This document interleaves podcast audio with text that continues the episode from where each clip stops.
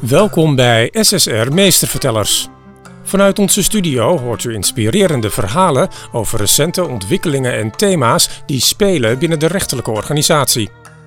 In deze aflevering is de gast Remco van Toren, lid van het college van bestuur van SSR. In deze podcast spreekt hij over het geheugen. Bij het vinden van de waarheid maakt hij als officier van justitie veel gebruik van verklaringen van bijvoorbeeld verdachten en getuigen. Maar is het geheugen eigenlijk wel betrouwbaar? Dit is de tweede keer dat ik een podcast opneem. De eerste keer heb ik gesproken over liegen. Dat heb ik gedaan omdat ik naast mijn functie bij SSR ook officier van justitie ben. En liegen is voor ons een heel uh, interessant fenomeen, omdat wij waarheidszoekers zijn. En bij het zoeken naar de waarheid is het natuurlijk interessant om te weten wanneer mensen de neiging hebben tot liegen. Voor deze podcast heb ik gekozen voor het onderwerp geheugen of herinneringen. Geheugen is opnieuw heel relevant voor het vak van officier van justitie, want bij het vinden van de waarheid maken we veel gebruik van de verklaringen van mensen, van getuigen. En in hoeverre kun je daar nou op vertrouwen? Hoe weet je nou dat de herinneringen die zij uh, aan ons, uh, met ons delen, dat dat ook echt gebeurd is, dat dat overeenstemt met de waarheid? Maar het geheugen is ook belangrijk uh, voor, de, uh, voor de functie die ik heb bij SSR. Want zonder geheugen kunnen we niet leren. Als je iets wil leren, zul je het moeten opslaan en ook weer op een goede manier moeten kunnen terughalen. Dus voor beide functies heeft uh, het geheugen een belangrijke rol en vandaar de keuze voor dit onderwerp. Ik wil daarbij me focussen op de betrouwbaarheid van het geheugen en ook iets zeggen over de manipuleerbaarheid daarvan. Allereerst in algemene zin, wat weten we eigenlijk van het geheugen? Nou, inmiddels is er veel onderzoek gedaan en weten we veel, zou je kunnen zeggen, maar toch ook nog wel heel veel niet. Er is veel nog in nevelen gehuld. Zo werd vroeger vaak gedacht dat je herinneringen op een bepaalde plaats in je hersenen zaten. En we weten dat dat in elk geval niet zo is. Er zijn wel een aantal onderdelen van de hersenen die een belangrijke rol spelen, zoals de thalamus en uh, de hippocampus. En die spelen een rol bij het aanmaken van herinneringen en soms bij het ophalen daarvan of het opslaan. Maar het is niet zo dat je kunt zeggen dat herinneringen ja, echt te lokaliseren zijn in de hersenen. Wat zijn het dan wel herinneringen? Nou, eigenlijk zijn het verbindingen tussen neuronen. Daarvan hebben we een heleboel in de hersenen, zo'n 80 tot 100 miljard. En ehm, als wij een herinnering maken, dan leggen wij verbindingen aan tussen een heleboel van die neuronen en ook in een bepaalde volgorde. En zo leggen we dat vast. Dat betekent dus ook dat het niet een plaatje is. Men spreekt wel eens van een fotografisch geheugen. Dat bestaat eigenlijk niet. Je haalt niet weer een plaatje op uit je geheugen. Wat je doet is dat je opnieuw die verbindingen maakt tussen die neuronen en het liefst dus ook in dezelfde volgorde. We noemen dat een reconstructive memory. Dus je reconstrueert als het ware je herinnering. En dat verklaart ook gelijk waarom het best kwetsbaar is. Want daarin kunnen natuurlijk fouten optreden. Dat je net een andere verbinding of een andere volgorde hebt. En dat kan de, uh, ja, de waarheidsgetrouwheid van je herinnering natuurlijk beïnvloeden. Naar de betrouwbaarheid van het geheugen dan. Um, allereerst is natuurlijk van belang wat we onthouden. Dan kan ik wijzen op een interessant onderzoek. Men heeft wel eens onderzocht wat de invloed is van de context waarin je je bevindt als je naar iets kijkt en wat je dan in je geheugen opslaat. Zo hebben ze wel eens mensen laten kijken naar een filmpje waarbij een rondleiding werd gegeven in een appartement. De ene groep mensen werd als context gegeven dat ze mogelijk interesse zouden hebben in het aanschaffen van dat appartement. En de andere groep kreeg als context dat ze eigenlijk uh, criminelen waren en dat het misschien een interessant object was om eens te kijken of daar iets te halen was. Naderhand gingen ze mensen ondervragen over wat ze onthouden hadden van dat filmpje. En daar bleken hele grote verschillen te zijn. dus waar de ene groep die mogelijk geïnteresseerd was, vooral onthouden had hoe het uitzicht was en de indeling, was het zo dat bij de, de mensen die eh, zeg maar als inbrekers waren ja, geframed, dat die zich vooral goed konden herinneren hoe het hang- en sluitwerk was. Dus alleen daaraan zie je al dat wij niet een compleet beeld herinneren, maar dat we, dat we gefocust zijn. En dat komt ook terug bij het volgende punt. Men zegt vaak dat emotie en dan meer specifiek aandacht een belangrijk element is bij het je kunnen herinneren van bepaalde zaken. En dat klopt. Als je ergens aandacht aan besteedt, dan kun je je dat over het algemeen later beter herinneren. En zo kennen we bijvoorbeeld het fenomeen van de flashbulb memory. Dat is het fenomeen dat als er een hele heftige gebeurtenis is, dat mensen dan zeggen, dan staat het in je geheugen gegrift. Dat betekent dat mensen denken dat je dan een hele sterke herinnering hebt en dat je die dus ook weer heel precies kunt terughalen. Ook daar is onderzoek naar gedaan en het is een beetje waar en een beetje niet waar. Het is inderdaad zo dat je na zo'n gebeurtenis uh, een sterke herinnering opbouwt en dat je die ook kunt terughalen. Maar hij is vaak wel erg nauw. Je hebt vaak een hele sterke focus op bepaalde punten. En wat er omheen zit, dat herinner je je vaak slecht.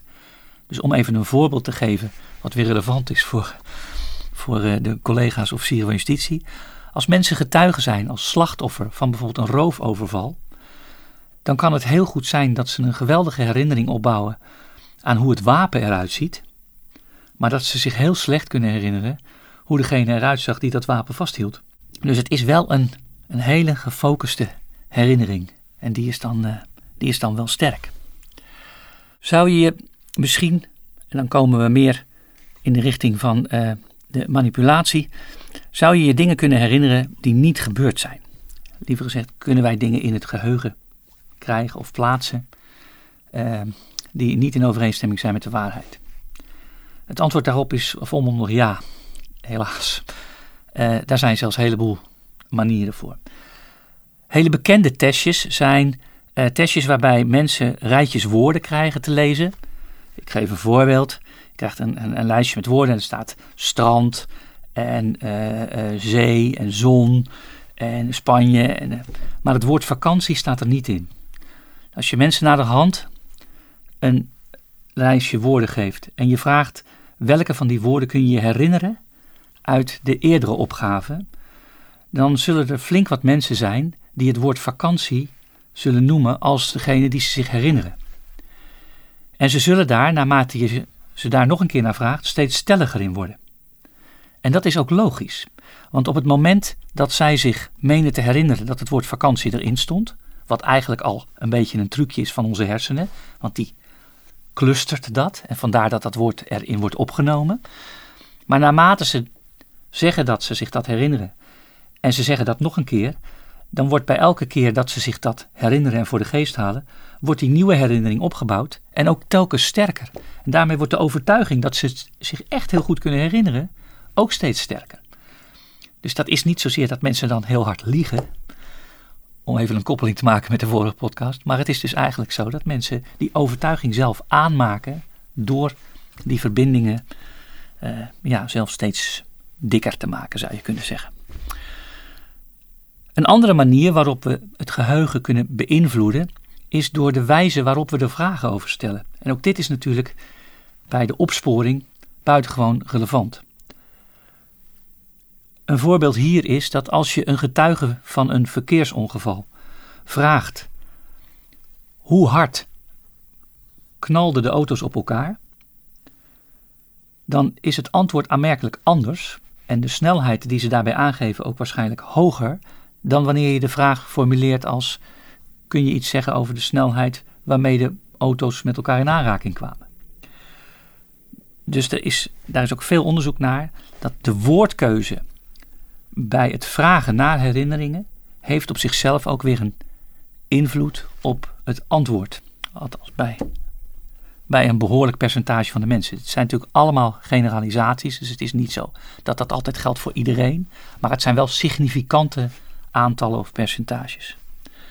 We noemen dat pseudo-herinneringen. Dus pseudo-herinneringen, herinneringen die je eigenlijk uh, hebt over dingen die je niet werkelijk hebt meegemaakt. Het meest vergaande voorbeeld daarvan is uh, dat mensen uh, een verhaal krijgen met de suggestie dat ze dat hebben meegemaakt. En dan de vraag krijgen van kun je je dat herinneren? Dat onderzoek gaat als volgt. Uh, de onderzoekers die duiken eerst in het verleden van de proefpersoon. En dat doen ze door bijvoorbeeld gesprekken met de ouders of broers of zussen. Of met behulp van dagboeken. En ze halen daar een aantal werkelijk gebeurde uh, ja, uh, evenementen uit. Dingen die, die werkelijk zijn voorgevallen. Ze voegen daar één niet gebeurd voorval aan toe. En vervolgens gaan ze de proefpersonen ondervragen over herinneringen, over dingen die vroeger zijn gebeurd. En daar zit deze niet werkelijk gebeurde variant ook tussen. De meeste proefpersonen zullen de eerste keer zeggen: Nee, dat kan ik me niet herinneren. Nee, daar heb ik geen herinnering aan. Maar bij deze test, die worden vaak na een paar weken herhaald en dan na een paar weken nog een keer. En wat blijkt is dat echt tientallen procenten bij de tweede keer dat er over gesproken wordt, zich plotseling van alles weten te herinneren over dit niet gebeurde voorval. Sommigen geven daarbij vrij globale antwoorden van ja, ik heb daar toch wel een herinnering aan dat dat, dat gebeurd is. Maar er zijn ook mensen die dat inmiddels helemaal gaan invullen en de meest kleurrijke details toevoegen aan het verhaal dat ze oorspronkelijk is meegegeven. En in geuren en kleuren kunnen vertellen over hoe dat vroeger is voorgevallen. Terwijl wij weten, of de onderzoekers weten, dat het ja, een pseudo-herinnering is. Ook dit geeft weer aan hoezeer wij uh, ja, vatbaar zijn voor suggestie. Want bij zo'n derde keer is het percentage nog hoger. Dus dit is ook iets wat je kunt voeden. Is het nou zo, hè, want dit klinkt natuurlijk allemaal wel heel kwetsbaar. En ik moet ook zeggen, het geheugen is ook echt een kwetsbaar instrument. Is het nou zo dat we iets kunnen doen om uh, te zorgen dat we, uh, dat, we, dat we onze herinneringen goed bewaren. En dat we die op een goede manier weer terug naar boven kunnen halen. Bijvoorbeeld door zaken op te schrijven. Nou, daar is ook weer iets aparts mee. Als mensen een, bijvoorbeeld een signalement geven, dus je vraagt mensen die getuigen van iets zijn geweest, en je vraagt, God, kunt u zich herinneren hoe die persoon eruit zag? En je vraagt om signalement, dan kan het riskant zijn om die mensen dat te laten opschrijven. Omdat uit onderzoek blijkt dat ze dan dingen kunnen opschrijven die met name in woorden zijn uit te drukken. Dus je kunt wel zeggen blauwe ogen, of uh, iemand had een sterk naar voren uitstekende kin, of iets dergelijks. Dat is in woorden te vangen. En die onderdelen worden dan ook beter onthouden, dus dan helpt het. Maar de onderdelen die eigenlijk niet zo makkelijk in woorden zijn te vangen, bijvoorbeeld de afstand tussen de ogen, uh, weet je, dat soort uh, verhoudingen in een gezicht, die worden dan opeens slechter onthouden. Dus ze hebben mensen daarna geconfronteerd in een, ja, wat ze noemen een line-up. Met mensen die eigenlijk allemaal volgens, de beschreven, uh, uh, volgens het beschreven signalement voldeden aan, aan, die, aan die kenmerken. Maar die dan toch er heel verschillend uitzien. En toen bleek dat de mensen die het hadden opgeschreven een slechtere herinnering hadden aan het gezicht dan degene die het niet hadden opgeschreven. Dus opschrijven ja, maar dan eigenlijk vooral bij dingen die zich ook in woorden laten vertalen. Want anders loop je het risico dat je wat kwijtraakt. Een tweede element wat ik hier wil noemen is wat ze wel noemen stemmingscongruentie. Die vind ik begrijpelijk en ook eigenlijk wel heel grappig. Wat ze daarmee bedoelen is dat de context, de situatie waarin je je herinnering aanmaakt, die heeft um, uh, een invloed op hoe je die het beste weer naar boven kunt halen. Namelijk, als je die situatie waarin je de herinnering hebt aangemaakt zoveel mogelijk nabootst, is de kans dat je de herinnering weer ophaalt veel groter. Ik geef je weer een voorbeeld. Ze hebben met mensen die duiken, hebben ze die mensen op de wal een aantal woorden laten leren, maar ook onder water. En daarna hebben ze ze ook weer boven water en onder water ondervraagd over die woorden die ze moesten leren. En het grappige is dat ze boven water zich meer herinneren van de woordjes die ze boven water hebben geleerd. En onder water meer herinneren van de woordjes die ze onder water hebben geleerd. En hier blijkt ook uit dat het een enorm complex is van met elkaar gelieerde neuronen. En dat dat dus kennelijk ook speelt in de context waarin je uh, het leert. En uh, dat dat het dan dus makkelijker maakt om die reconstructie, waar ik het in het begin over had, om die opnieuw op een goede manier te maken. Afrondend zou ik kunnen zeggen dat dit allemaal misschien heel alarmerend klinkt, maar dat in de werkelijkheid het geheugen nog steeds een heel waardevol instrument is en dat herinneringen heel vaak wel overeenkomen met de waarheid. We moeten ons alleen realiseren dat we zelf als vragensteller wel invloed hebben en dat we ervoor kunnen zorgen dat we de herinnering zo waarheidsgetrouw mogelijk houden door de vragen op een goede manier te stellen. En dat we dat ook kunnen stimuleren door er voldoende aandacht aan te besteden in de opleidingen voor de opsporers. Dit was SSR Meestervertellers. Wilt u op de hoogte blijven? Abonneer u dan op onze podcast. Graag tot een volgende keer.